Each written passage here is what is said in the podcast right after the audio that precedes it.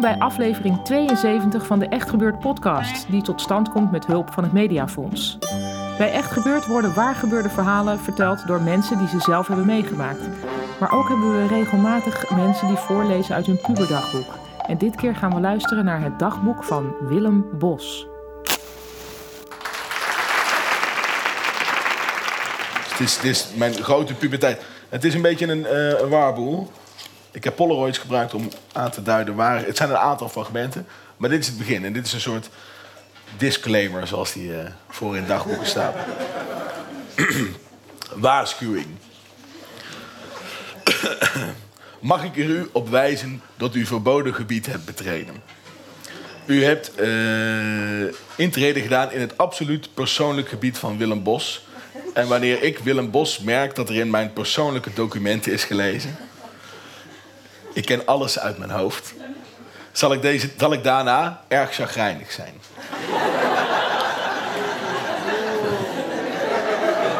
Het wordt heftiger hoor, let op. Ik neem aan dat u een kennis of familielid bent. Dat concludeer ik uit het feit dat u zomaar mijn kamer binnenkomt en er haast naar gezocht moest hebben. Wanneer u mij minstens drie keer per week zult, eh, ziet, zult u toch echt de dupe worden van mijn chagrijnigheid. Wanneer u toch wil gaan lezen, vooral doen. Wees dan ook dapper en zet uw naam op de voorkant van dit mapje. Oftewel, teken uw eigen doodsvonnis. Willem. De eerste is 3 januari 2000. eh, 2000 sorry. Dit was een van de grootste klote dagen uit mijn leven. Vandaag heb ik carnaval eh, op onze school gevierd en ik heb een fles martini of zoiets naar binnen gesmokkeld. Papa en mama weten het niet en de leraren ook niet. Alleen een of andere lul heeft me gesnapt met de fles en ik heb gezegd dat de fles niet van mij was. Dat betekent dat ik gelogen heb tegen de leraren, maar wat erger is, tegen mijn ouders. God, ik hoop dat u het me kunt vergeven.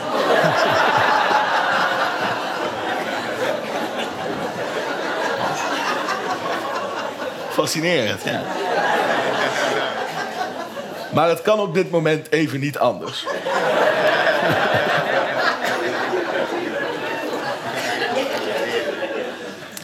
Ik hoop nu een periode af te sluiten. Want dit was inderdaad, zoals meneer De Veer en mijn ouders al zeiden, geen toeval. Dit was gewoon de druppel en ik moet me wat socialer gaan instellen. Alleen weet ik niet precies hoe. Ik laat me in ieder geval door niemand meer voor het karretje spannen. Ik mag wel wat minder aan mijn imago gaan denken. Als ze me dan niet meenemen, dan is het jammer voor ze. Maar dan zoek ik, zoals mama al zei, wel nieuwe vrienden.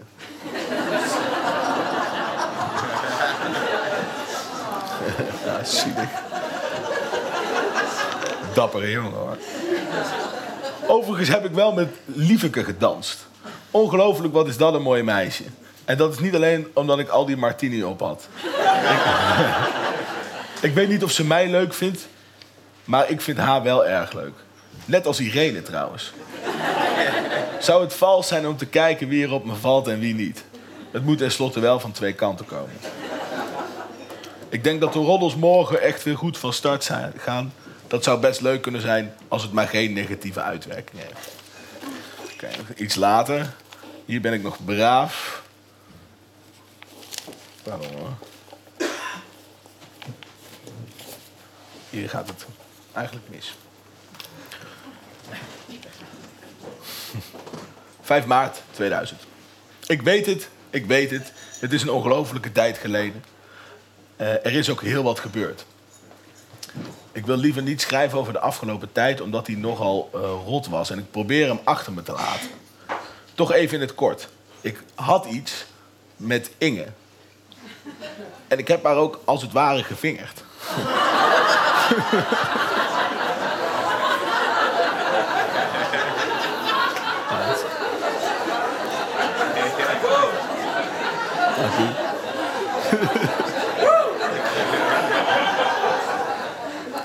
Goed gedaan.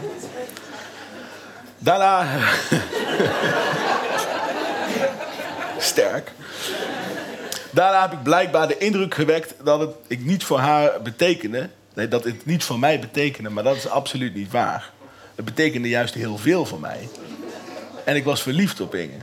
Maar wat nog erger was, op de housewarming party heb ik ook met Anouk gezoend.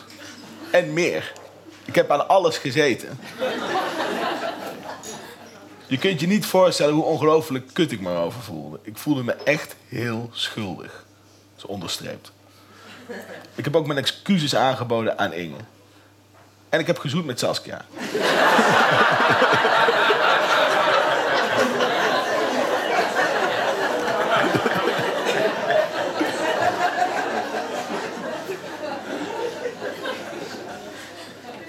Jawel, de voormalige ster in wiskunde is uitgebloeid tot een heel mooi meisje. Volgens mij is dat niet allemaal te ver gegaan en is het bij zoenen gebleven. Maar goed, dat laat ik nu achter me en ik begin nu over iets leukers. Irene. Irene heeft een vlammetje aangewakkerd in mij en die is nog, en die is nog niet uit. In de Bogaard, nadat ik met Rick en Thijs er naartoe was gefietst, gingen we naar de Vlugelparty. Irene is op mijn aandringen meegegaan en het was best leuk. We hebben niet gezoend, wat even uitzonderlijk als jammer was. Ook ben ik naar de bioscoop geweest met Anne en Irene. En toen hebben we hand in hand zitten kijken. Vandaag op de fiets vroeg ze me wat het voor mij betekende. Ze vertelde me dat ze mij als meer zag dan een vriend, maar dat ze ook onze vriendschap niet wilde verpesten. Ook vertelde ze dat ze de hele dag als een onbewuste dwang naar me moest kijken. En ook als ik een vriendin kreeg, dat ze dan erg jaloers zou zijn. We hebben besloten vrienden te blijven. ik had eigenlijk het idee dat als ik gezegd had dat ik meer wilde, dat zij het dan ook wel had gewild. Ja. Dus eigenlijk nu het zo leest. Ja, ja.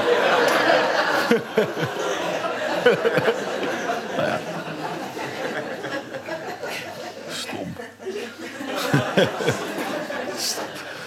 In ieder geval voel ik veel meer voor haar en hoop ik dat het eindelijk wat gaat worden.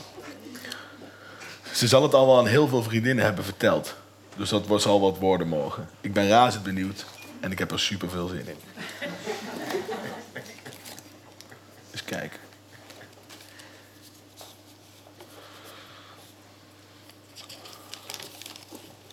Zou ik alleen maar zo'n instelling hebben om mijn positie veilig te stellen? Zou ik alleen maar doen alsof ik een kakker ben? Dat, kakkers en alto's was het in 2000.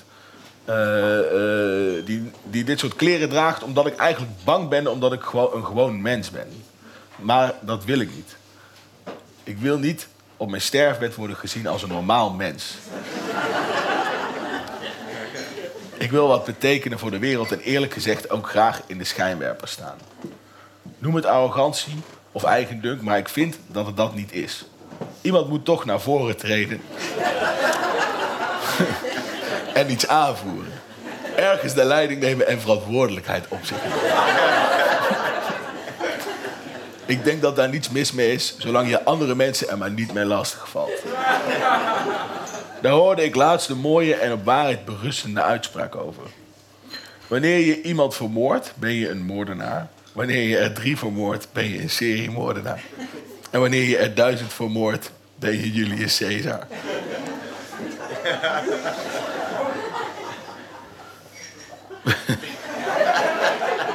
ik weet niet precies wat ik daarvan moet maken. Angstaanjagend. En dan uh, heb ik nog eentje vastgelegd, juist.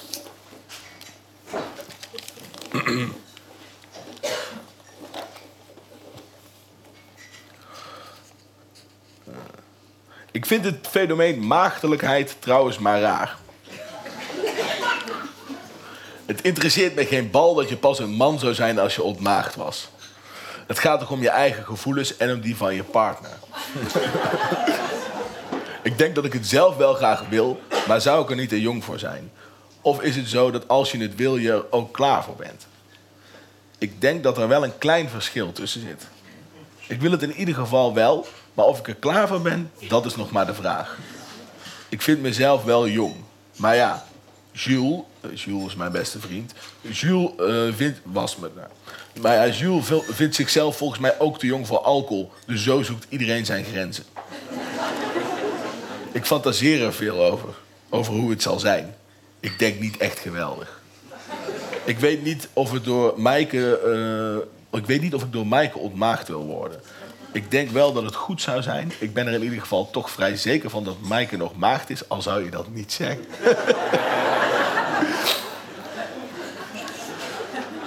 Over dingen als zou ik het wel vaak genoeg kunnen en zou mijn afmeting wel lang genoeg zijn, maak ik me nooit druk. Als er maar gevoel bij gepaard gaat. Bij zoenen is dat anders. Ik vind in tegenstelling tot Inge dat er bij zoenen geen liefde gepaard hoeft te gaan. Daar gaat het alleen om de tong. Seks is een grote stap en je moet er goed op letten dat de eerste keer goed gaat, want anders zul je je dat voor de rest van je leven herinneren als je seks hebt. En met goed gaan bedoel ik niet de lichamelijke seks, maar de liefde. Ik wil dus ook absoluut niet dat mijn ontmaagding een one-night stand wordt. Daar komt geen liefde bij kijken.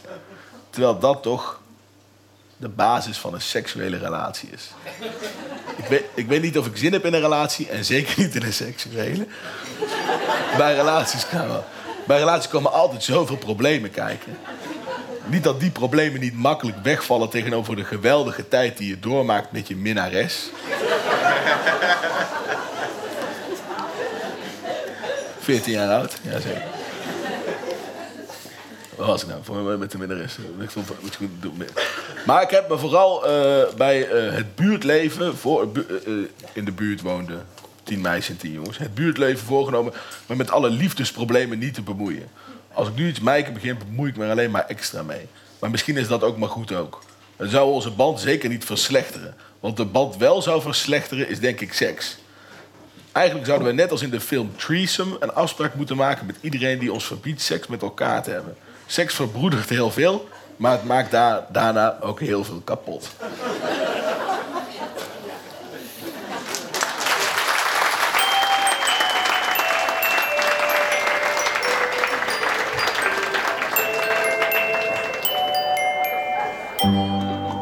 Dat was het puberdagboek van Willem Bos.